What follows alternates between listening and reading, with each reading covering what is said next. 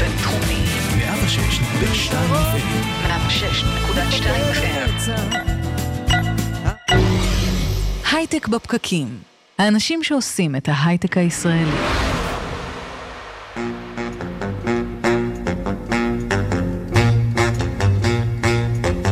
בוקר טוב, יום חמישי, 20 ביוני 2019, הייטק בפקקים.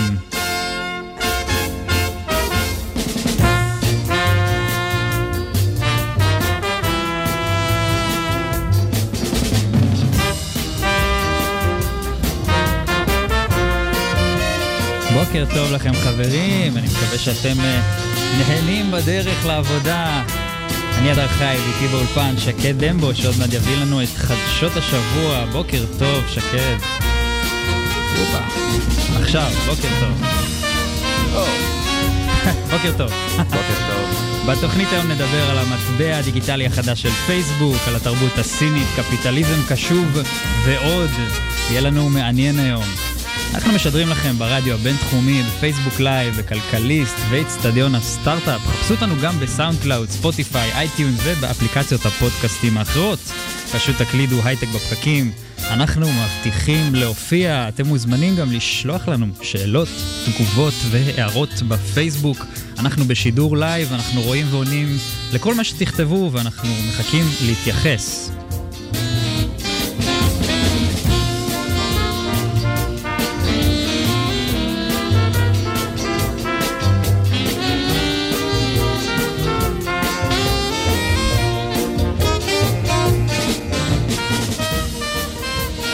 ואנחנו נפתח ישר עם, חדשות השבוע. עם שקד דמבו. בוקר טוב, שקד. בוקר טוב. יש, יש לי מיקרופון. מה, אז מה קרה לנו השבוע?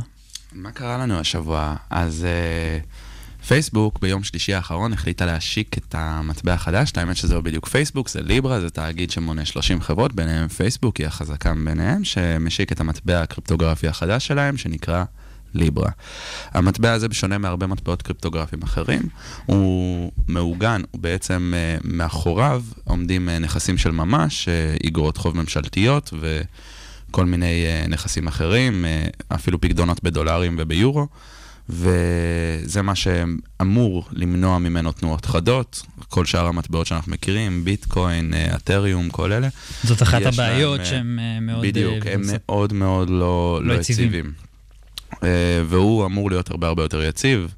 אה, פייסבוק מתכננת אה, לתת, כאילו פייסבוק, ליברה, מתכננות לתת אפשרות לכל הצרכנים להשתמש בו בכל מיני פלטפורמות. עצם זה שדרך אגב הוא מעוגן בנכסים חוקיים, כאילו בנכסים של ממש, נותן את האפשרות של כל מיני חברות אחרות, כמו ויזה, כמו מאסטר קארד, לתמוך בו ולתת, ולתת את האפשרות של השימוש בו לצרכנים. כלומר, חברות uh, גדולות בעצם מגבות את המטבע הזה ומצטרפות oh. כמייסדות uh, שותפות לדבר הזה, mm-hmm. uh, ומגבות את זה בכסף, נכון? בדיוק. נייס. כן, עכשיו השאלה שלנו זה מה... אתה מבין, מה, מה, מה אנחנו חושבים על זה? תשמע, לפייסבוק יש מוניטין ש, שנבנה לה בחצי שנה האחרונה, שהוא לא, הוא לא מי יודע מה. לא בדיוק מזהיר. בדיוק, אפילו בשנה האחרונה, שנתיים, היה את כל סיפור קיימברידג' אנליטיקה, שדי שבר את האמון של, ה... של כולנו ב...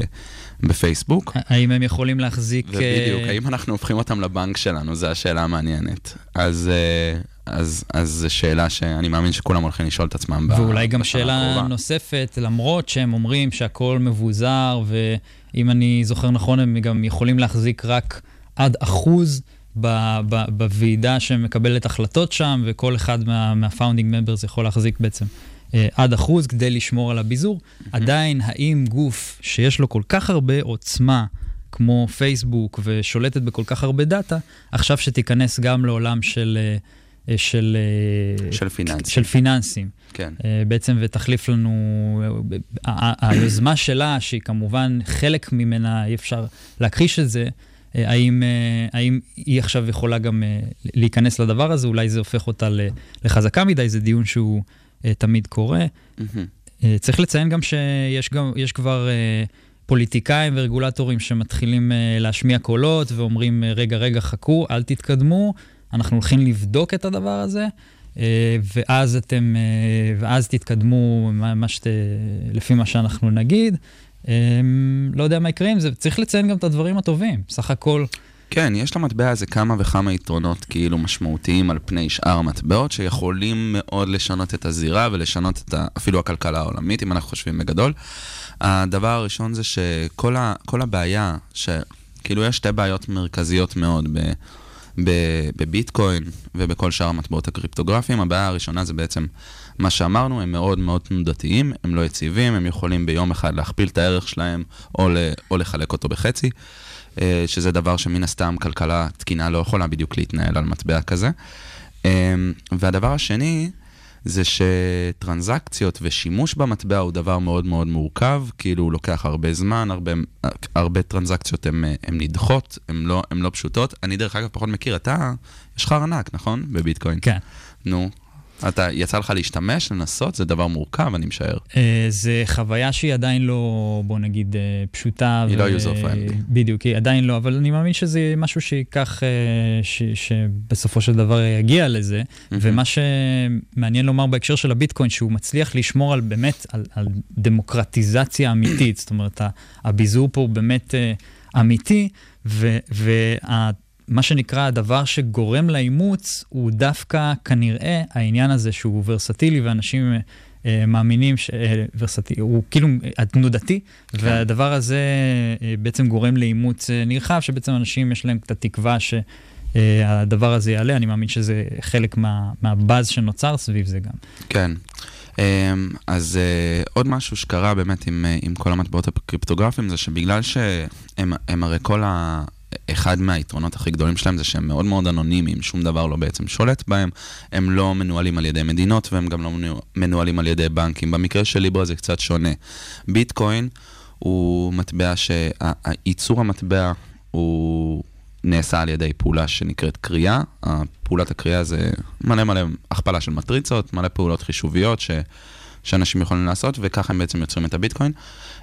ליברה uh, זה משהו שבעצם התאגיד ליברה הוא זה שהולך לשלוט במטבע, לייצר, וככה גם להכתיב את הערך, במיוחד אה, בגלל שהם אה, מעוגנים על ידי נכסים.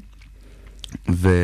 ויש לציין שהם אומרים שהם non-profit, והם אומרים שהם decentralized, ומאוד מנסים גם, הם, הם מבינים ויודעים מראש שהולכת להיות הרבה ביקורת והרבה מתקפות של רגולטורים, ומכינים את הקרקע לדבר הזה, ובעצם אומרים, אנחנו הולכים להיות הכי מבוזרים, הכי אה, שקופים עם הרגולטור, אנחנו הולכים לעבוד איתו יד ביד, אנחנו הולכים פשוט לעשות מטבע נוח. אני גם שמעתי דברים כמו, האינטר, אה, האינטרס היחיד של פייסבוק בדבר הזה, זה שאנשים יעשו יותר עסקאות, אז הם ישלמו יותר על פרסומות, בעיניי זה... טענה קצת... אה, כן, אה, תמים להאמין שזה יקרה, ותמים להאמין גם שלפייסבוק באמת תהיה רק אה, שליטה של אחוז. כי, כי יש פה... תשמע, לפייסבוק במקרה הזה לא יכול להיות שליטה נמוכה, כי גם אם יש לה את השליטה הזאת במטבע, פייסבוק הולכת להיות אחראית באופן בלעדי על הטרנזקציות. היא, הולכת, היא בעצם פותחת חברת בת שנקראת קליברה, שימו לב, יש כאן... ארנק. בדיוק, שהוא ינהל את, ה, את, ה, את הטרנזקציות ואת היישומים ש, שמסתובבים מסביב. ואת זה פייסבוק כבר אחראית לו בלבד, כאילו אין, אין, אין עוד חברות, זה ממש שלה. השאלה אם עוד חברות ייצרו ארנקים, כי המטבע הוא סך הכל כביכול דמוקרטי. אני, כן. גם, אני גם בכוונה רוצה רגע לשים את הדברים על השולחן ולהגיד, ש, כאילו, יש פה המון דברים טובים. הדבר הזה הולך לייצר uh, טרנזקציות נוחות בינלאומיות, uh, בצורה מאוד ידידותית למשתמש ונוחה, וזה, וזה איזשהו משהו שמכניס uh, disruption בתעשייה שהיא... אה, סך הכל הבנקאות ומניע את כל העניין הזה אולי של המטבע הדיגיטלי. הביטקוין קפץ אה, בצורה יוצאת דופן אה, בשבוע שפייסבוק הודיע על הדבר הזה, אז יכול להיות שיש פה גם הרבה דברים חיוביים, ואולי באמת אנשים שאין להם חשבון בנק. יוכלו היום לשלם, יש המון אנשים שאין להם חשבון בנק, אבל יש להם גישה לסמארטפון, ויכול להיות שזה משהו שיקל כן. עליהם. אה, וצריך לציין את הגישה של אה, וואטסאפ אה, לכל כך הרבה משתמשים, ואת האפשרות שבעצם לשלם דרך וואטסאפ זה נראה די הגיוני. כן.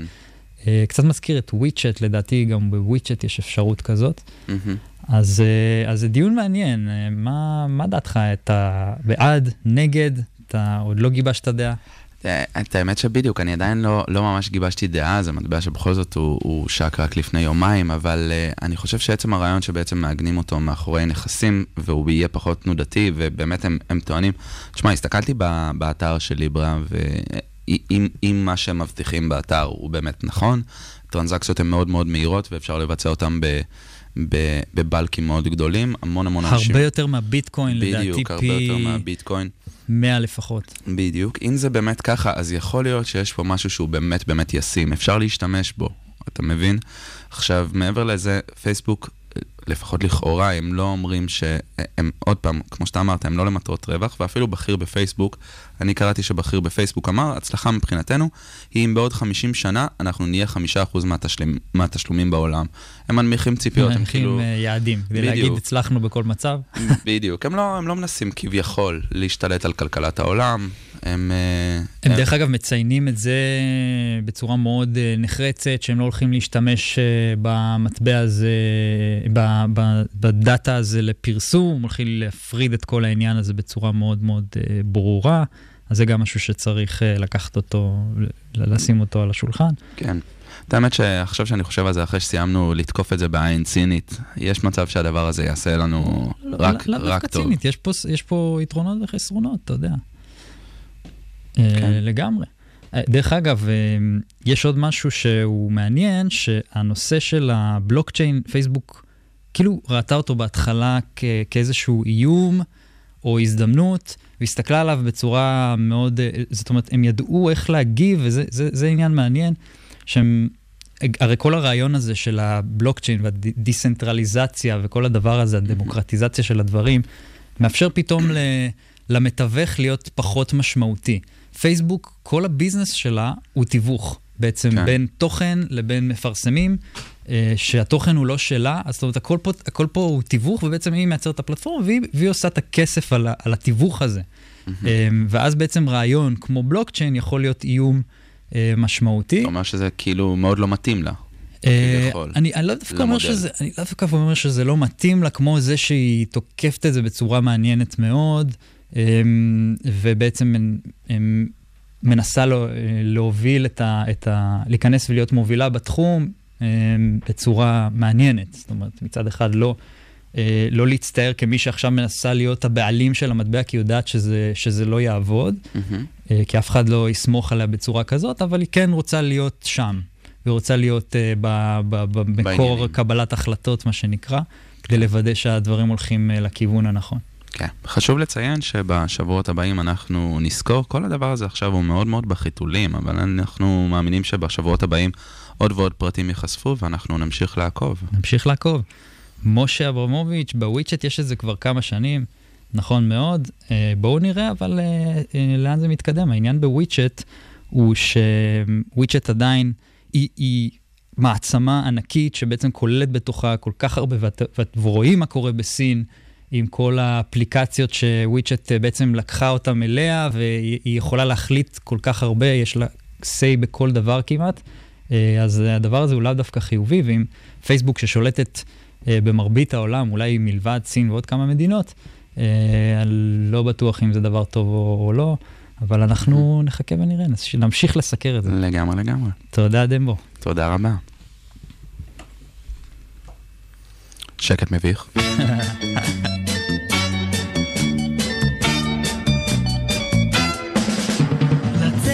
לדרך בלי לשאול לאן מוביל השביל, ואהבה בלב בשפע.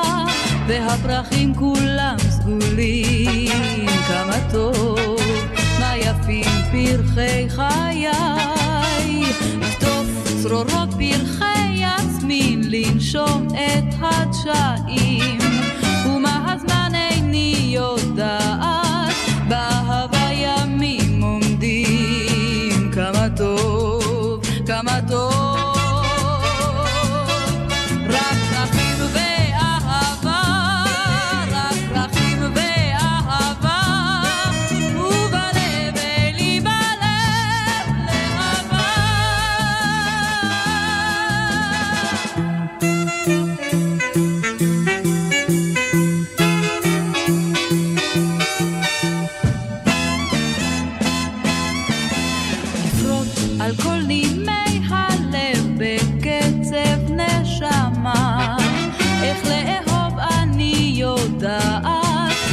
קולם בקול שירה, כמה טוב חלומות ליל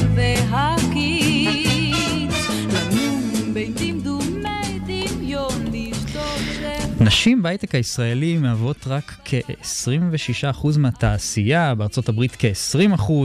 חשבתם פעם מה קורה בסין? לא יודע, אולי.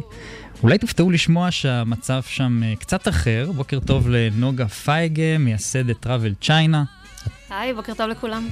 בוקר טוב, האתר שמסקר את אה, סין לעומק, היא מרצה על תרבות וחברה בסין המודרנית ומתגוררת בשנגחאי. נוגה, הזכרת פה נתונים לגבי אה, מדינות המערב, הזכרתי פה נתונים לגבי מדינות המערב, מה לגבי סין? כן, אז האמת היא ש... כלומר, זה מאוד תלוי איזה אה, מספרים מסתכלים, אבל כעיקרון, אה, כשמסתכלים על יזמיות ישראליות, נשים בארץ הם לצערי משהו כמו רק 8% מחברות הסטארט-אפ בישראל. בסין, לעומת זאת, המצב מאוד מאוד שונה, ונשים מהוות משהו כמו 25% מקהילת הסטארט-אפים. שמדובר באחד המספרים הגבוהים בעולם. זה משהו חדש בשנים האחרונות, או רואים את זה כבר הרבה שנים? כן, אה, אז האמת היא שזה באמת משהו שהתפתח בשנים האחרונות, אה, עם עוד נתונים באמת מדהימים, אה, על כך שנשים הולכות ומתקדמות ומגיעות לעמדות ניהול מאוד מאוד בכירות בסין, וזו תופעה חדשה שאני ועוד אנשים כמובן קוראים לה הדור החדש של אנשים בסין. זה אנשים שצמחו באמת בעשורים האחרונים. והן הולכות ומתקדמות בתפקידי ניהול כיזמיות, נשים באמת אה, מדהימות, נשים צעירות, אה, לומדות בחו"ל, לומדות בתיכונים יוקרתיים, בתיכונים יוקרתיים בסין, הולכות אחרי זה לאוניברסיטאות בארצות הברית, באירופה, כולל הרווארד, יל והאוניברסיטאות הכי נחשבות, ובעצם חוזרות לסין עם ידע, עם ניסיון, עם יכולות, מקימות חברות משל עצמן, משתלבות בחברות הכי גדולות ועושות חייל. מה, מה קרה עכשיו, זאת אומרת, ש, שזה תחום שמתחילים יותר לדבר עליו, כי אנחנו יודעים שהמסורת שה, הסינית למעשה היא... יש את תפקיד האישה המסורתי, האישה אמורה אה, להתחתן, לעבור לגור עם המשפחה של, ה, של הבעל.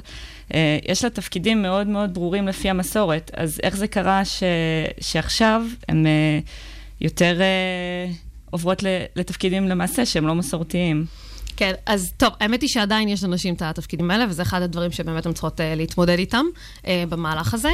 אבל יש לנו בעצם תהליכים, um, גם תהליכי עבר נקרא לזה, וגם uh, תהליכי הווה. Uh, התהליכי עבר זה שני דברים מרכזיים. אחד, זה כמובן הרפורמות הכלכליות. Uh, לפני 40 שנה סין, uh, מה שנקרא, נפתחה, uh, עברה מכלכלה uh, קומוניסטית לכלכלה...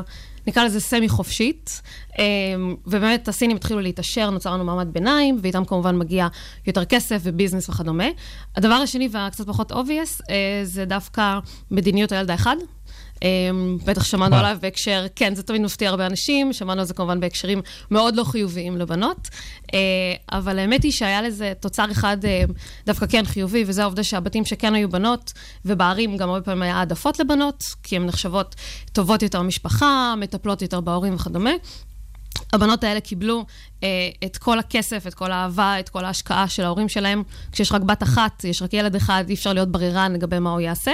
אה, וההורים בסינים, כמו שאנחנו יודעים, וואו, דוחפים ילדים מאוד. שלהם להצליח. לא משנה, כאילו, אם יש בן ובת, לפעמים היה העדפה לבן, זה נכון, אבל אם יש רק בת, היא צריכה לקבל ציונים מצוינים, היא צריכה ללמוד משהו שמכניס הרבה כסף. אה, והתוצאה היא שיש לנו דור שלם של בנות שהולכות להייטק, שלומדות הנדסה, שלומדות אה, תחומים שבמדינות אחרות בעולם עדיין קשה להכניס אה, נשים לתוכם, או שהכניסה עדיין יותר איטית.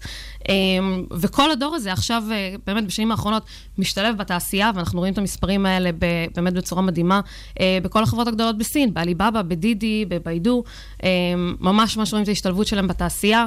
הן מהוות באמת כוח מאוד מאוד מסיבי. בהייטק הסיני אה, ובסטארט-אפים. את זה אז אנחנו למעשה נראה יותר בערים הגדולות, נכון? את ההשתלבות הזאת בחברות הגדולות, אה, נשים שעוברות מה, מהפריפריה נקרא לזה, מה, מהכפרים, מהעיירות.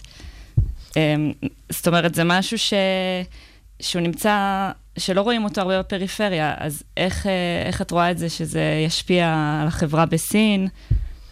כן, אז קודם כל, כמובן שסין היא עצומה ואי אפשר להכליל אה, את כל סין אה, בעניין הזה, אה, אבל הרבה מהאנשים האלה באמת, חלק מהאנשים האלה כמובן נולדו בערים הגדולות, מה שנקרא tier 1 cities, בבייג'ין, שנגחאי, גואנג'ו, והם נולדו לבית הזה, וזה היה סוג של המסלול הברור שלהם, אבל גם יש לנו באמת תנועה מדהימה של סיניות, גם מערים יותר קטנות ואפילו מהכפרים, שמגיעות לערים הגדולות, חלקם בלי תמיכה ובלי רשת בכלל, ובאמת בלי בדיוק, תמיכה ועזרה. בדיוק פורסמה כתבה של המייסדת של לנס טכנולוגי, שהיא המיליארדרית אה, שעשתה את זה בגדול. כן, ג'ו אה, צ'ון פיי. כן. נכון. מאוד מאוד ידועה. Um, הסיפור שלה, אגב, הוא, הוא, אני לא אגיד סטנדרטי, אבל הוא באמת סיפור מרשים, זה מה שנקרא החלום האמריקאי, אז היום בעצם בסין אנחנו רואים אותו, האמת היא, הרבה יותר. Uh, ויש אפילו כמה דוגמאות אישיות של זה, של באמת אנשים שהגיעו uh, להורים באמת עיקרים, כפריים, מאזורים מאוד מאוד קשים, uh, ובאמת ההתעשרות של סין בעשורים האחרונים מאפשרת להם, גם אחרי שהם נמצאים באוניברסיטאות שנחשבות פחות איכותיות עדיין בסין, לעבור לעיר הגדולה, אה, ליזום את הסטארט-אפים שלהם, או אפילו לעבוד בעיר ולהתפתח ולהגיע למצב שהם באמת מצטרפים אה, לבורגנות הסינית החדשה ש, שצמחה. והסיפור של צ'ון, אה, של צ'ון כמובן הוא מאוד מאוד ידוע, אה, שהיא האישה ה-self-made billionaire, מה שנקרא, המיליארדרית שעשתה את ההון של עצמה אה, מספר אחד בעולם היום, אה, והיא מגיעה באמת מבית מאוד עני, והיא הייתה, אה, עבדה במפעל. כשהיא הייתה צעירה, ואני גם מכירה אפילו כמה אה, סיפורים אישיים כאלו, של חבר'ה צעירים שהתחילו במפעלים אה, וסיימו ב- כמנהלים בכירים בכל מיני חברות. זו תופעה באמת באמת מדהימה, וזה מאוד לא מובן מאליו בימינו לעשות מעבר. קראתי כל מיני טוקבקים, אה, גם על הכתבה הזו וגם על העניין, שאנשים אומרים... שזה, זאת אומרת שזה סיפורים, ובשביל להצליח אתה צריך אה, גם קשרים עם הממשלה, ואתה צריך איכשהו לקבל כן איזשהו מימון uh, מהממשלה או מהקשרים שלך. כן, אין ספק שיותר קל כשאתה מגיע מ... כבר ממעמד ביניים, או גם אין ספק לא, שה... לא, גם אם אתה מגיע מ... מאזור כזה, זאת אומרת, אנשים אמרו, טוב, זה, זה לא הגיוני, בטוח היה פה איזושהי מעורבות של, ה... של הממשלה בסיפור הזה. זה אמ, הטוקבקים שקראתי. זה לא בהכרח. כלומר, בסופו של דבר, שוב, אנחנו תמיד מדברים על אה, מספרים מאוד מאוד גדולים כאלה, נכון? אז אה, אין ספק, כל הדברים האלה מאוד עוזרים. סין מאוד מאוד מתבססת על נטוורקינג, אין מה, אין מה להגיד, אה, ואתה צריך קשרים טובים כדי, כדי להצליח. אבל uh, זה לא אומר שאין uh, סיפורי הצלחה כאלו, ו- והייתי אומרת גם במספרים גדולים יותר מהמערב, uh, כי באמת פשוט יש לך הרבה יותר יכולת, אם אתה עובר מכפר קטן, אתה מגיע לשנגחאי, לעיר גדולה, אפילו אם אתה עובד, אם אתה מתחיל מלמטה, אתה תרוויח משמעותית יותר ממה שתרוויח בערים ובכפרים האלה. מה לגבי התרבות? איך מתייחסים לזה בתרבות הסינית, לעניין הזה, ש... זאת אומרת, יש יחס לנשים שהוא יותר מעצים, כאילו איך את מסבירה את זה שההבדלים הם כל כך משמעותיים? זהו, אז יש, יש עכשיו סוג של, אה, של התנגשות באמת בדברים האלה. כי מצד אחד ההורים והמשפחות האלה יותר דחפו כמובן את הבנות, והאנשים האלה שבאמת למדו הייטק וכאלו ולמדו בחו"ל, השקיעו כל כך הרבה כסף בהשכלה שלהם, שלחו אותם לחו"ל וכדומה, כמובן שמצפים מהם למצוא גם עבודה טובה ולהצליח. והם גם ממש חרוצות. והם עובדות. וחרוצים, הסינים. כן, חרוצים עובדים, וחרוצות. עובדים שעות. כן, כן. גם אולי יש יותר. מדי לפעמים. כן. יש התאבדויות בסין. תשע, מעובר- תשע, כן, כן, דיברנו על זה. בדיוק, כן. אמ, בהחלט עובדות קשה, אמ, אבל הן גם באמת מבריקות וגם דוברות שפות, צריך לציין, כששולחים אותך לחו"ל אתה גם חוזר עם עוד שפות וזה. אמ, אני אגיד שבאמת יש את ההתנגשות הזאת היום, כי גם זה שההורים והדור ה... הדור של ההורים, שהוא כבר מהדור שבאמת אה, התעשר לרוב, ובאמת אה, נכנס לבורגנות הסינית, אה, זה לא אומר שהם עדיין לא מסורתיים. אה, סין ככלל היא עדיין מדינה מסורתית, המשפחה היא המרכז, אה, וגם אם את אה, מצליחה ומוכשרת והייטקיסטית, עדיין מצפים ממך להתחתן בגיל צעיר. אישה שמגיעה לגיל 27 ולא התחתנה נקראת leftover woman, אישה שאריות, זה מונח מאוד אה, קשה. מצד אה, אחד, אה, ממש ככה, יש איזושהי קדמה והרבה נשים יזמיות, ומצד שני ההתנגשות הזאת של המסורת, זה ממש מעניין ה- אה, הסיפור הזה, נכון. אנחנו ההתנגשות מכירים את הזו. זה גם אה, כאילו במקומות אחרים, גם במערב. כן, גם ישראל אגב. נכון. אני, אני באמת חושבת שישראלים הרבה פעמים מבינים את הסינים יותר מהרבה מדינות אחרות, כי גם אצלנו יש את ה... נכון, הצורך הזה להתחתן, לעשות משפחה, ילדים, אה, אז אה, כן, אז זה בהחלט אה, מתנגש. אה, ומהצד השני, גם להרבה נשים כאלו, לפעמים קשה גם למצוא בן זוג. אה, בסין מאוד, אה, מדברים מאוד בפתיחות על הדברים האלה, וגברים הרבה פעמים מחפשים אה, נשים שיהיו אה, במשרות אה, יותר נמוכות, יותר אמהיות, ולפעמים הרבה מהנשים האלו כיום, לצערנו, רווקות ומתקשות למצוא בן זוג. ממש כתופעה, אני לא מדברת על משהו פרטני. נוגה פייגה, תרבות, נשים בסין, מעניין מאוד, תודה שהיית איתנו. תודה רבה, תודה לכם, בוקר טוב.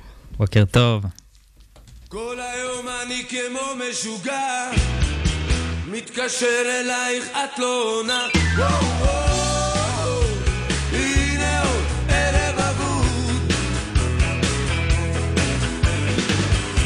מסתכל על התקרה הלבנה, מתעלם מהשעון כל שעה. וואו,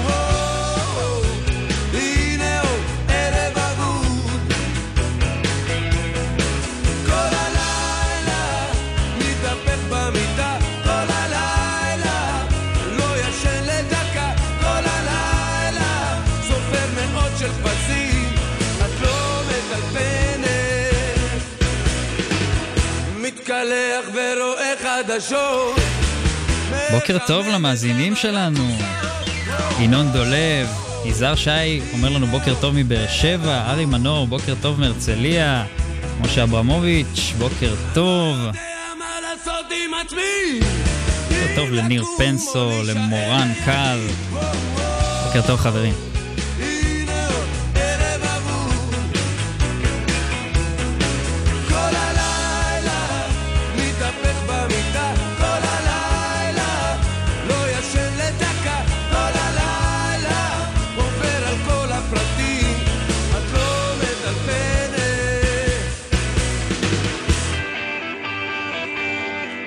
אוקיי, קובי, מה אתה אומר?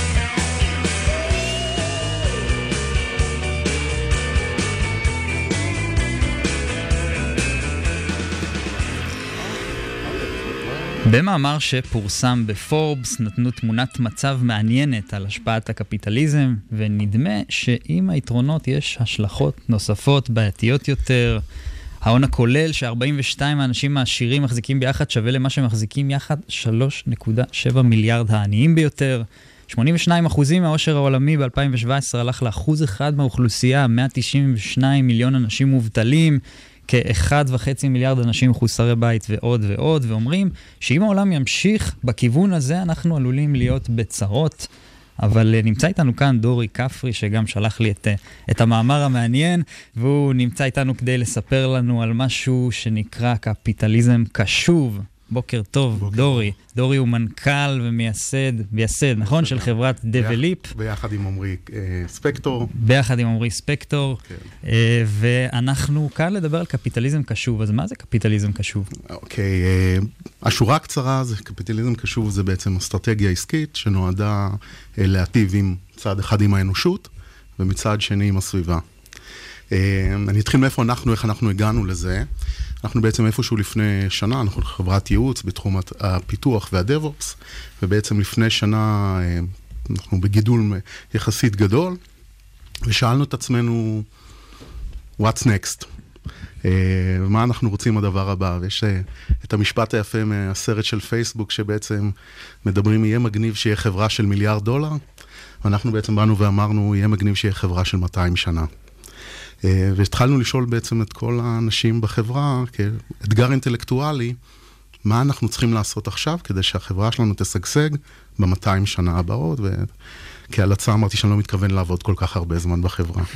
וב- ובעצם הגענו אה, לספר שנקרא Conscious Capitalism, או בעברית קפיטליזם קשוב, של ג'ון מקי, אה, מייסד של Whole Foods Market.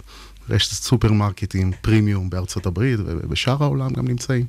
אמזון קנו אותם ב-14 מיליארד דולר, ובעצם אה, מדבר על אה, עסקים אחרים, על סוג אחר של עסקים, ואם אה, ציירת בהתחלה מהכתבה שיש עוולות בעולם ויש איזשהו חוסר או אי שוויון בעולם, הם בעצם מדברים על איך לעשות עסקים שהם למטרות טובות. אה, אנחנו מגיעים כל יום לעבודה, יש אה, מחקרים שמראים שבארצות הברית 45% מהעובדים משועממים או לא engaged בעבודה, ולעומת זה, אחד מכל ארבעה אמריקאים מתנדב. אנחנו בעצם, אה, הרעיון אומר בוא נעשה את שני הדברים האלו ביחד, זאת אומרת, להחזיק את האנשים אינגייג' בעבודה, ושירגישו שהם תורמים גם. ולמה היום? למה זה דווקא היום קורה ופעם העסקים היו מאוד ציניים וקרים?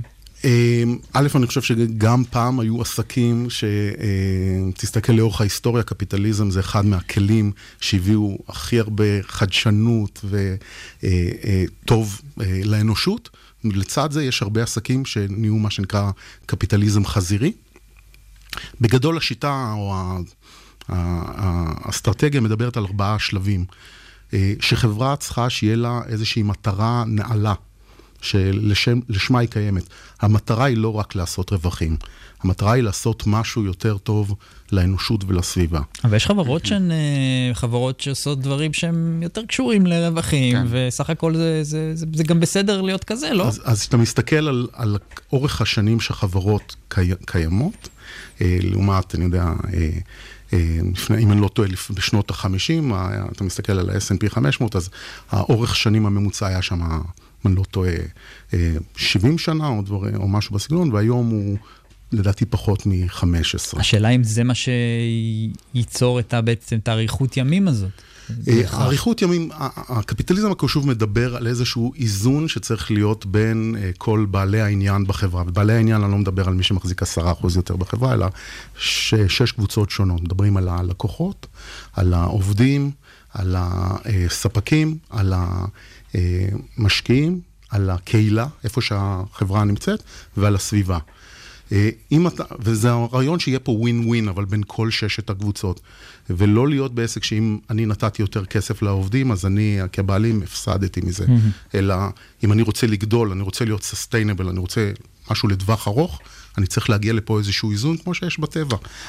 אני פשוט רוצה לשאול אותך שאלה בקשר למטרה הנעלה, המטרה כן. הנעלה שאתה אומר של חברה, האם כאילו, זה קצת קשה לי להבין, כי עוד פעם, הדר אמר, לא כל החברות הן חברות ש... אתה מבין, אני יכול להיות איזה, איזה משהו שהוא באמת יותר, אה, לא יודע, לצורך העניין פייסבוק, מאוד קל לי לחשוב על איך פייסבוק, יש לה איזה מטרה, היא רוצה לק- לק- לקדם אנשים, אבל נגיד חברת אנרגיה.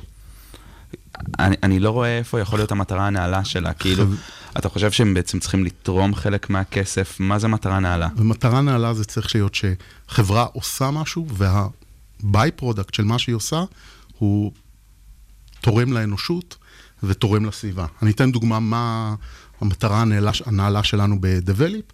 אנחנו כ- כחברה, אנחנו, אה, יש לנו בוטקאמפ של אה, DevOps, אה, סיימנו עכשיו את המחזור השני שלו.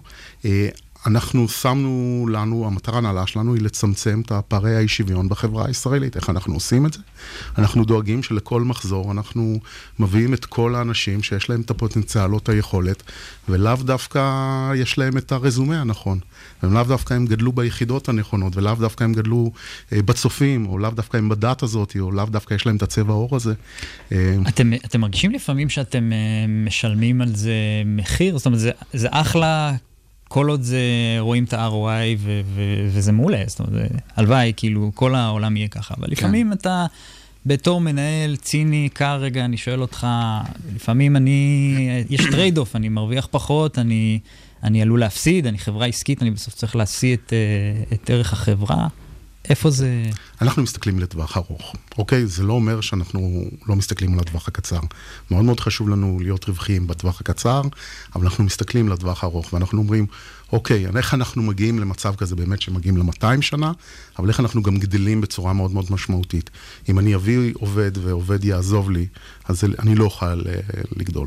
אם אני אביא ספק וספקים יחליפו אותי כל הזמן, אני לא אוכל לגדול. ואתה רואה עובדים אה, שמצפים כתוצאה מהמגמה הזאת, ל, לא יודע, לחלוקת רווחים יותר גדולה, לדברים בסגנון הזה? לחלוטין, לחלוטין. אנחנו, אנחנו חושבים שעסק צריך להיות הוגן, אוקיי?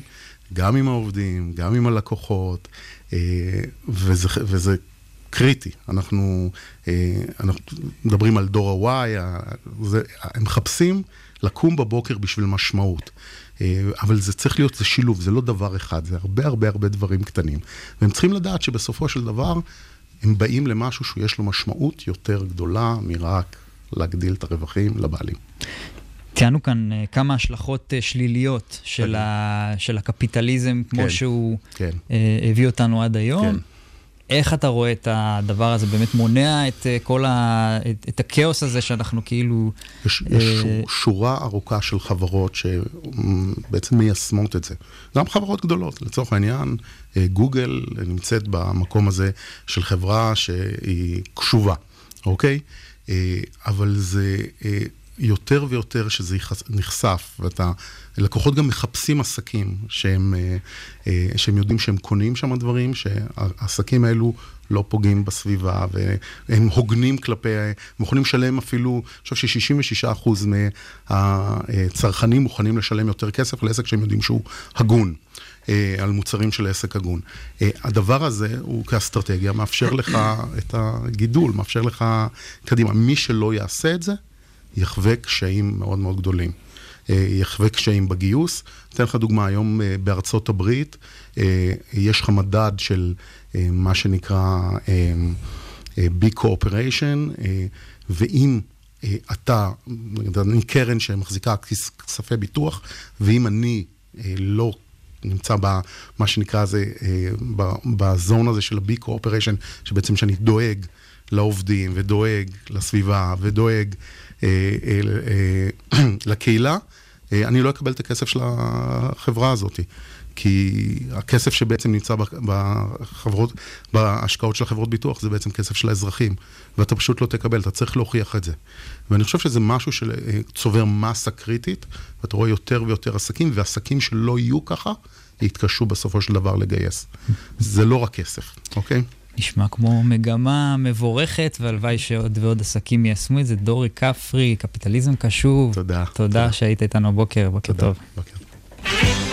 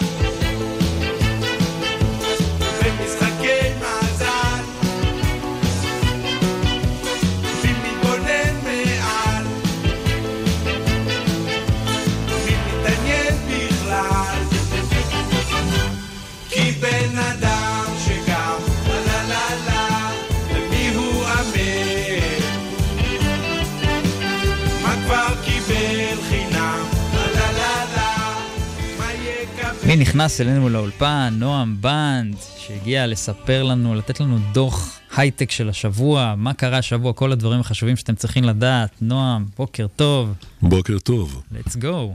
דוח ההייטק של השבוע, ונתחיל בהנפקה של השבוע. חברת פייבר הנפיקה בנסדק ביום חמישי האחרון. החברה הונפקה בשווי של 650 מיליון דולר, וזינקה למחרת לשווי של 1.2 מיליארד. מאז ירדה מניית החברה, אך עדיין שווי החברה מעל 900 מיליון דולר. יוניקורן ישראלי חדש נולד. מי אינו מכיר את פייבר? פייבר פיתחה זירת מסחר אינטרנטית המחברת בין פרילנסרים ללקוחות בעולם. זירת מפגש בין גרפיקאים, עורכי וידאו, מפתחי תוכנה, קופירייטרים, מתרגמים, קריינים, עורכי מדיה שיווקית, יועצים, ללקוחות הזקוקים לשירותים אלו.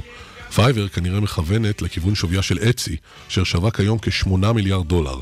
אגב, כשהונפקה אצי ב-2005, נחשבה להנפקה הגרועה של השנה.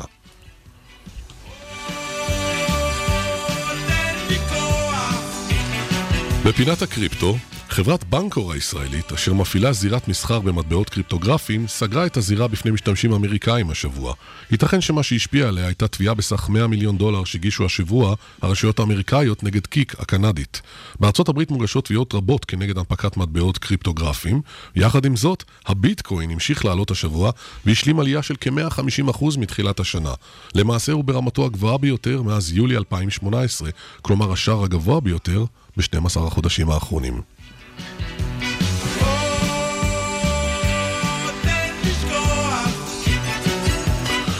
עולם הקנאביס, ניקי פריד, נציבת החקלאות של מדינת פלורידה בארצות הברית, לא מאמינה ביתרון הישראלי בגידול חקלאי של קנאביס רפואי או במוצרים הישראלים, אבל קוראת לתעשייה הישראלית להתחבר לזו האמריקאית באמצעות מחקר ופיתוח. בישראל הטרנד בשיאו, כאשר הזמר והיוצר אביב גפן הצטרף השבוע לחברת קנאביס שנסחרת בבורסה. אין ספק הידע הרחב והניסיון הישראלי הגדול בתחום החקלאות, הביוטק וההייטק מייצר לישראל יתרון תחרותי שיכול להיות מתורגם להצלחה בינלאומית. כ-90 מתוך 270 קיבוצים בוחנים כניסה לתחום הקנאביס. כ-20 חברות פעילות כבר בבורסה בתל אביב בתחום הקנאביס, והן מושכות ידוענים, כמו אהוד ברק, אהוד אולמרט, דן חלוץ, יעקב פרי, בוודאי שיהיו עוד נוספים. ביום חמישי האחרון הוחלט על הקמת ועדה ממשלתית בראשות שר החקלאות ובהשתתפות משרד הבריאות, האוצר והכלכלה לקדם את הפיכתה של ירוחם למרכז גידול ועיבוד של קנאביס. ליזמים יובטח סיוע ממשלתי מתוקף היותה של ירוחם באזור עדיפות לאומי א'.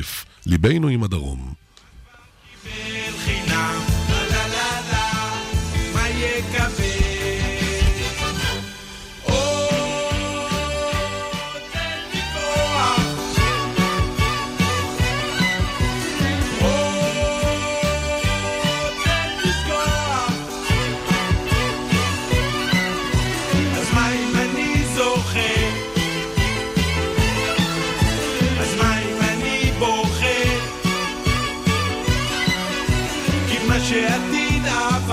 נועם, תודה על דוח ההייטק של השבוע. בוקר טוב. כי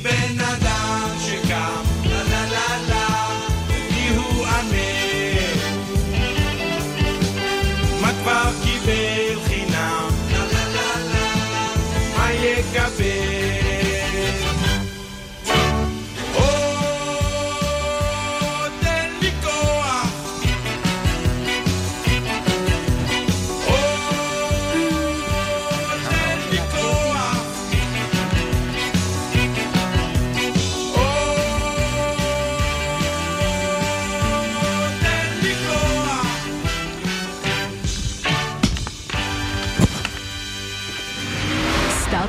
בפקקים.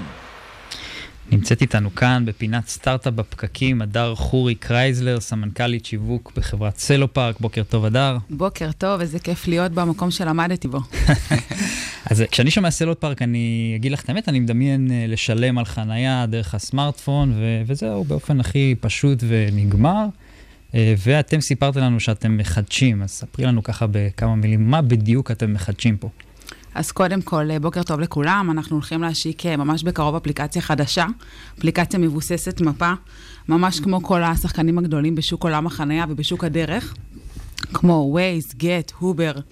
אה, ורבים טובים בעולם. אנחנו מבינים היום שהלקוח רוצה לדעת איפה הוא נמצא, איפה החנייה שלו נמצאת, ואיפה הוא רוצה להיות במקום הכי קרוב ליציאה לפגישה, ולעשות את זה מאוד מאוד מהר. זאת אומרת, אפליקציה שבעצם מאפשרת לך למצוא את החנייה בצורה הכי נוחה, והיו, אני זוכר שהיו ניסיונות כאלה לעשות דברים כאלה שלא צלחו. פינגו פארק, אני חושב. כן. אה, לא, פינק פארק היה פינג שיותר פארק זה שיתופי. חנייה פרטית, אה, בעצם השכרת חנייה פרטית, גם לעולם הזה אנחנו הולכים להיכנס. אה, אנחנו בעצם מאגדים את כל עולמות החנייה. אה, בתוך האפליקציה שלנו, כחול לבן, חניונים, חניות פרטיות, booking בחניונים. כל, one stop shop, למצוא הכל במקום אחד. לא צריך היום אלף אפליקציות. אפליקציה אחת נכונה וטובה שמתמחה ומומחית בתחום הזה, וזה מספיק לך.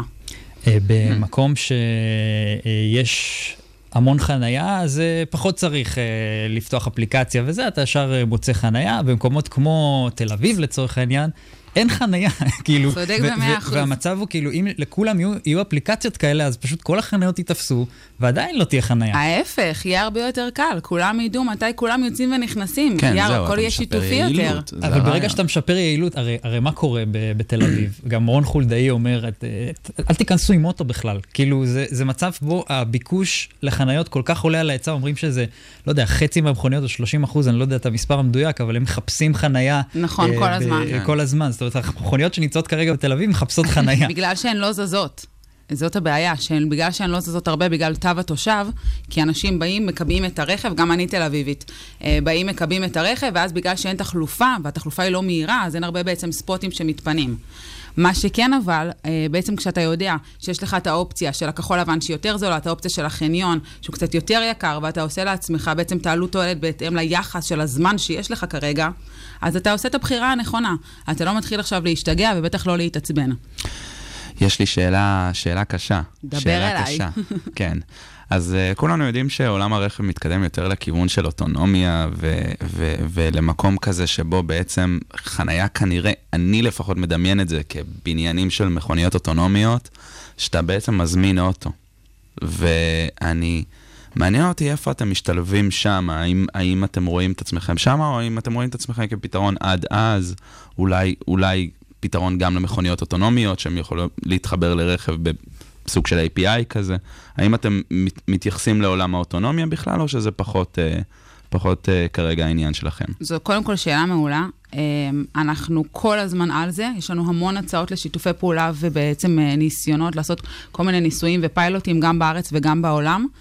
אמ, אין ברירה אלא להתקדם. אני חושבת שזה הדבר הנכון גם לשוק, גם לנו, לכולם, בעצם גם להפחית את זיהום האוויר, גם לאפשר בעצם נסיעה אה, סוף סוף ולא עמידה בפקק, כמו שכולנו... חניות זה באסה, בואו נודה על האמת. ברור, וואו, אף אחד וואו. לא רוצה לשלם אגרת חניה, ובגלל זה אנחנו עושים אותה מאוד מאוד נוחה, מהירה ופשוטה. אה, כשהשימושיות גבוהה, אתה לא חושב יותר מדי. בכל מה שקשור לאוטונומיה, האוטונומיות של הרכב, ברור לנו שהרכבים יצטרכו גם לעצור מעת לעת. נכון שהם ייסעו המון, אבל הם גם יצטרכו לעצור מעת לעת, מעת לעת ואז אנחנו בעצם אה, נכניס את החנייה שתעבוד כבר מעצמה. זאת אומרת, אתם מדמיינים עתיד כזה בו החניות אה, משתנות ונערכים ל- לדבר ברור, כזה. ברור. מעניין. תשמע, זה משנה את כל הקונספט שאתה חושב על זה. כן, זה ממש... אה, כ- כחברה שמסתמכת על עניין שאנשים צריכים למצוא חנייה, זה מאוד מעניין איך אה, חברה מסתכלת על העתיד ואומרת, רגע, יכול להיות שהגבינה זזה באיזשהו מקום. כן. הגבינה כל הזמן זזה, אני רוצה להגיד לכם שגם פעם עולם החניונים לא היה כזה עולם משמעותי. והיום העולם החניונים הוא כבר נהיה משהו מאוד מאוד גדול מהפעילות שלנו, ויש לנו מאות חניונים. בנוסף, אנחנו עובדים גם בחו"ל, ובחו"ל יש לנו כבר חניונים שהם ticketless. מה זה אומר? חניונים ללא עירוב נייר. אין בכלל נייר, אין בכלל פה את כל הקטע של הזיהום הסביבתי, וכמה שפחות גם חומרה.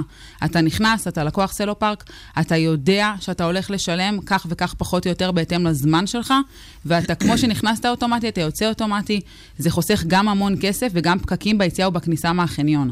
עוד פעם, החיסכון היקר הזה בזמן.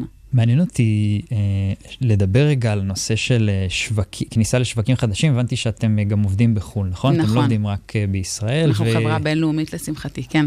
יפה, נהדר. אז. כסמנכ"לית שיווק זה נהדר, ו, אה, ומעניין כי, כי קודם כל אני זוכר שלפנגו היו, היה, היו קשיים עם הנושא הזה של יציאה לחו"ל, וזה ידוע ש, שאפליקציה כמו שלכם, כניסה לשווקים חדשים, ברגע שכבר אימצו איזשהו פתרון, זה מאוד מאוד קשה. כי אתם צריכים להרגיל את, ה, היוזרים להשתמש במשהו. יש אפקט רשת מאוד מאוד חזק של, אוקיי, אני משתמש באפליקציה והחניון משתמש ב... אה, עובד עם איזושהי אה, אה, חברה, אז קשה מאוד לשנות הרגלים ברגע שיש כבר אה, מישהו ששולט. איך אתם עושים את ה-go to market אה, כשאתם אה, מתכננים להיכנס לשווקים חדשים? מה, מה האסטרטגיה? סמנכ"לית כל- השיווק. אז קודם כל, אתה צודק במאה אחוז, בעיקר בחו"ל אנחנו רואים שיש אפליקציה ל-on street, שזה בעצם הכחול לבן שלנו, ואפליקציה ל-off street, שזה החניונים, אה, וכל אחד צריך כמה אפליקציות, כי בכל אזור, אה, בדרך כלל אה, האזורי- הערים מחולקות אה, להמון המון אזורים, שלכל אזור יש את האפליקציה שלה. שזה נהיה בלאגן אטומי. אה, ואנחנו באים ועושים one stop shop, אז כולם קודם כל אה, רוצים להשתמש במשהו שהשימושיות בו יכולה להיות כמה שיותר גבוהה, והוא בעצם רלוונטי לך כמה שיותר. בנוסף, אנחנו הבנו דבר מאוד מאוד פשוט. אם הפריסה שלנו תהיה פריסה מאוד מאוד גדולה, אם חוויית הלקוח ורמת השירות יהיו ברמה סופר גבוהה, והכי חשוב, אם הטכנולוגיה באמת תעבוד ותהיה טובה, הלקוח בעצם יתקדם. זה משהו שאנחנו חווים אותו אה, ברמה היומיומית. אנחנו עובדים היום גם באוסטרליה וגם במדינות דרום אמריקה. ההבדל בינינו לבין המתחרים שלנו בכל הנושא של כניסה לשווקים חדשים, זה שהם נכנסו, מה שנקרא, all in עם ה... אה, בעצם הם נכנסו, החברה בישראל נכנסה לשם, אנחנו בעצם מייצאים את הטכנולוגיה שלנו לחו"ל, אוקיי? ויש לנו שם זכיין מקומי, אה, שבדרך כלל זה או חברה מאוד גדולה, או אה, אנשי החזקות אה, שהם אנשי עסקים אה, מאוד רציניים, שהם בעצם יודעים את התרבות, הם מכירים את השוק שם. ואין דבר יותר טוב מאוסטרלי, שמכיר את השוק האוסטרלי, או ארגנטינאי, שיודע איך הציבור שם אוהב. אה, כי אנחנו בתור ישראלים אה, שונים בהם בתרבות, בהרגלי הצריכה, בהרגלי השימוש. נהדר, זה סופר מעניין. מעניין אותי גם, דרך אגב, אה, מדברים על, דיברת על חוויית לקוח. הבידול אצלכם, שאתם אה, מנסים לייצר, בסוף אפליקציה כמו סלופארק היא די straightforward, סך הכל, נותנת שירות מאוד... אה, איך, איך מייצרים בידול במ- במצב כזה? איך את אה, ממתגת, אה, משווקת את החברה? מצב שאפליקציה יחסית טכנית. אמ, אז זה ממש, קודם כל, שוב הטכנולוגיה, תמיד לחזור לטכנולוגיה שתהיה סופר קצה, סופר מהירה וחדשנית גם. בנוסף, זה כל הנושא של השירות לקוחות. אנשים אומרים, מה, אבל זה אפליקציית חניה, למה צריך בכלל שירות לקוחות? כי לפעם הזאת שתצטרך את השירות לקוחות, והוא יהיה מצוין, אתה תשמח, אתה תישאר, וגם אתה תקדם את כל המשפחה שלך לסלו פארק. כי אתה אומר, וואלה, קיבלתי דוח כי בטעות, בטעות הפעלתי על הרכב של אח שלי, של אבא שלי. אמ, ובעצם זה, זה מעצבן, לא בא לך להתעסק עכשיו עם עיריית ירושלים או עיריית תל אביב. בא לך עכשיו לסדר את הדוח הזה, ואם אנחנו פותרים לך את הבעיה, אז אין יותר כיף מזה, 20 שניות אה, להמתין בתור אה, להמתנה למוקד שירות לקוחות, לדעתי, זה משהו שלא קיים היום בשוק בישראל. אתם באמת מתעסקים עם העיריות? אתם מתעסקים עם העיריות במצב הזה? אה, אנחנו הרבה פעמים עוזרים ללקוח מול העירייה, בוודאי. זה מעניין. כן, תנסה אותנו. וגם יש לנו שירות וואטסאפ שהשקנו השנה. אה, יש לנו אה, נציגות אה, שירות, שזה כל מה שהן עושות, עונות בוואטסאפ במגוון שפות, ובעצם ככה מצליחות לענות על הביקוש מהר מאוד. כי לא תמיד אתה רוצה תשובה מיידית עכשיו. לפעמים סתם בא לך לשאול שאלה באופן כללי, ואתה לא רוצה להתקשר. אפשר סתם, אם אני מקבל דוח, לפנות אליכם ותבטלו לי אותו, או שזה לא... השאלה מהי סיבת הדוח כמובן. אנחנו זה קודם כל הישראלי אזרחים... הנצלן, זה. הישראלי הנצלן. אנחנו אזרחים שומרי חוק, אז. זה עד הסוף, חוויית לקוח. אנחנו קודם כל אזרחים שומרי חוק, ובואו נזכור שבסוף כל הסיפור הזה של חנייה רק עושה לנו סדר, אחרת היה פה תוהו ובוהו. אז אה, ברור. אני בעד, במיוחד כתושבת תל אביב שוב, אני אוהבת את הפקחים, אני בצד אה, לגמרי של הפקחים. לגמרי. הדר חורי קרייזלר מסלו פארק, תודה שהיית איתנו תודה הבוקר, רבה, בוקר ושיהיה לכם טוב. יום נפלא. יום נפלא. بلا البر وشعير وعنب وزيت واتين ورومان والتمر وبيت بلاد بر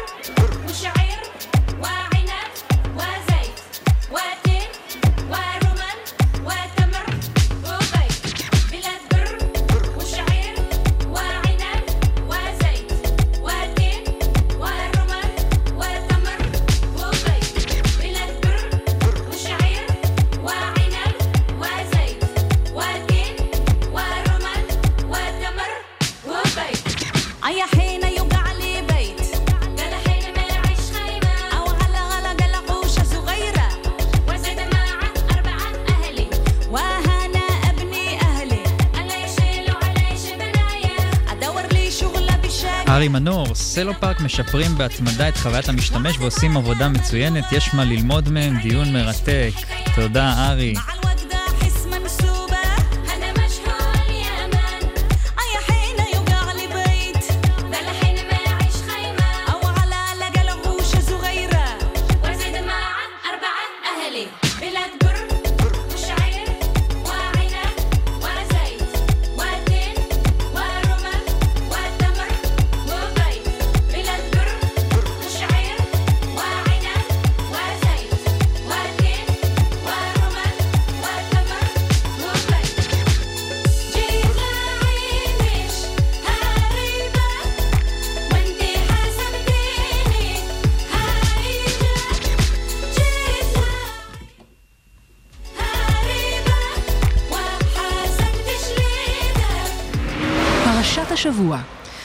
עם אברימי ויינגוט, בוקר טוב אברימי. בוקר טוב, מה קורה? מה נשמע? האמת היא, אני כבר לא רגיל בלי יזהר פה, שיושב. יזהר אה, בא מדי פעם, כן? כן. בוקר טוב. טוב, בוקר טוב. אה, פרשת השבוע, מה היה לנו פרשת השבוע, אברימי? פרשת שלח? מישהו מכיר? שלח. מכירים, מכירים. טוב, אני. אספר את הסיפור באיזה קצרה כדי להבין את הרקע. יהודים אה, בשנה... יש מוזיקה? בטח. זה כמו פרשה. עצובה. זה. פר... זה מוזיקה גם אה, שהיא בסדר גם לפרשות עצובות, לא? לא, בסדר. לא, פרשה, אני רק אספר את הרקע, היהודים אה, יוצאים ממצרים, מקבלים את התורה וחגיגות, ואז הם, יש להם סדרה של פאשלות, בום, עושים חטא העגל, בוגדים בקדוש ברוך הוא, מתלוננים על בשר, מתלוננים על זה, מתלוננים כל יום משהו אחר, ואז מגיע פיצוץ גדול, אומרים, רגע, יש איזה מדינה שאנחנו הולכים אליה? אפשר לעשות לה due diligence? מה, מה קורה בארץ ישראל? מה זה המדינה הזאת שאתה מבטיח לנו ונותן לנו? אנחנו רוצים לשלוח לשם, אה, איך אומרים, צוות לעשות due diligence, מרגלים שיסתובבו בארץ, רוצים לראות מה קורה שם. אמר להם אלוקים, בסדר, שלחו. בוחרים חבורה 12 אנשים, תותחים, ראשי עדה, קרואי עם. מגיעים לארץ, 40 יום מסתובבים. הם רואים כל מיני דברים מוזרים בארץ שהם לא רגילים לראות, נגיד רואים פירות. אתם מכירים את זה, כן? כל ענב בגודל אבטיח, כל אבטיח בגודל של האולפן הזה. הם רואים חומות אדירים, אדירים, רואים אנשים ענקיים במיוחד, היה נראה להם כמו, כמו צ'רנוביל, ואנחנו היום בכותרות. וחוזרים למדבר, וואי, מדוכדכים, חבר'ה, חבל לכם על הזמן, זה ארץ תפוקה, עצובים, מדוכדכים. מכניסים את עם ישראל לדיכאון, עם ישראל נכנס לדיכאון אדיר. לילה שלם כולם יושבים ובוכים. מה עושים? אתם תקועים במדבר, ויצאו ממצרים, ומה, זה המדינה שאנחנו הולכים אליה, לצ'רנוביל אחרי הפיצוץ, כאילו מה? בוכים כל הלילה, ואז אלוקים אה, כועס מאוד מאוד מאוד מאוד. עכשיו, הוא כבר כעס חמש שש, או שש פעמים, אבל הכעס הזה הוא הכי גדול, הוא אומר, אני רוצה להרוג את כל היהודים, הוא אומר למשה רבנו, עזוב, אני אביא לך דור חדש, ולא צריך, חלאס. אז משה אומר לו, מתחנן, בוכה, בוכה, בוכה, ואז מה שיוצא מהסיפור הזה, הוא אומר, 40 יום הם היו בארץ ישראל, הם עכשיו יהיו 40 שנה במדבר, מול כל יום. וקודם כל יהיה להם המתנה. ב-40 שנה האלה כולם ימותו. אף אחד מכל מי שהיה פה לא הולך להיכנס לארץ ישראל, זה עונש חמור מאוד. זה ימותו לאט לאט, כך שלא ירגישו. ועוד משהו, גם היום הזה שהיו עצובים בלילה, כנגדו אני אתן להם עוד שני ימים שיהיו עצובים, שזה חורבן בית המקדש הראשון ובית המקדש השני. עד היום בעצם כל הגלות וזה, הכל מגיע מאותו לילה. וואו, שמסתכל על... עונש כבד. עונש כבד. מאוד. ומי שמסתכל לא מבין, כי קח למשל את העבירה הזאת לעומת חטא העגל. חטא העגל זה היהודים עבדו לעגל. עבודה זרה זה אחד משלושת האיסורים הכי זהו, חמורים. בדיוק באתי לשאול, מה- מה ממש החטא פה? זה שהם התבאסו על מדינת ישראל? זהו, יש בתורה כתוב לא תהיה עצוב, לא תתבאס, איפה זה? חטא העגל, אנחנו עוד ב... בסדר? חטא העגל, אז אתה יודע, עבודה זרה זה האיסור הכי חמור בתורה, ואז אלוקים אומר, יאללה, סלחתי, שתי דקות. עצב, עצובים, מזה, מזה כזה אה, חטא גדול. והתשובה היא יכול להיות שבסופו של דבר כשאנחנו הולכים לבנות חלום ורוצים להרים משהו, החטא הכי גדול זה העצבות. זה הדכדוך והדיכאון הזה. בגלל שאתה לא יכול לבנות, אתה לא יכול לבנות חברה אם יש לך בתוך השלישיית מייסדים מישהו שכל הזמן אומר, דפוק, דפוק, לא יהיה market, לא יהיה זה, לא יהיה זה. מה, ובסוף גוגל יילחמו איתך, ופייסבוק יילחמו איתך, והרגולטור יילחם איתך, ולא תצליח למכור לבנקים, לא תצליח למכור. cycle מכירה ארוך. המדכא, המדכא... המשקיעים לא ייכנסו בך. זה הדבר הכי חמור שיש. אתה לא יכול לבנות חלום אם יש לך את הדיכאון הזה בפנים. נכון. הרבי מקוצק אמר פעם שעצבות זה לא עבירה, לא כתוב בתורה לא תהיה עצוב, ושמחה זה לא מצווה, אין תרי"ג מצוות, תשמח. אבל הדבר, אבל הדרדור שעצבות יכול להביא בן אדם, אף עבירה בתרי"ג מצוות לא יכולה להביא בן אדם לפח... לתאומות... אה, תאומות. אהבתי, אהבתי את המסר המשמח. כן. וגם להפך, שאין מצווה בתורה לשמוח, אבל הדרגה העיל- העילאית ששמחה יכולה להביא בן אדם, שום מצווה בתורה, לא שבת ולא זה, לא יכולה להביא בן אדם. זהו? יפה, יפה, אהבתי את הסיום. אחלה מסר. אחלה מסר. תודה אברהים על פרשת השבוע. תודה לכם.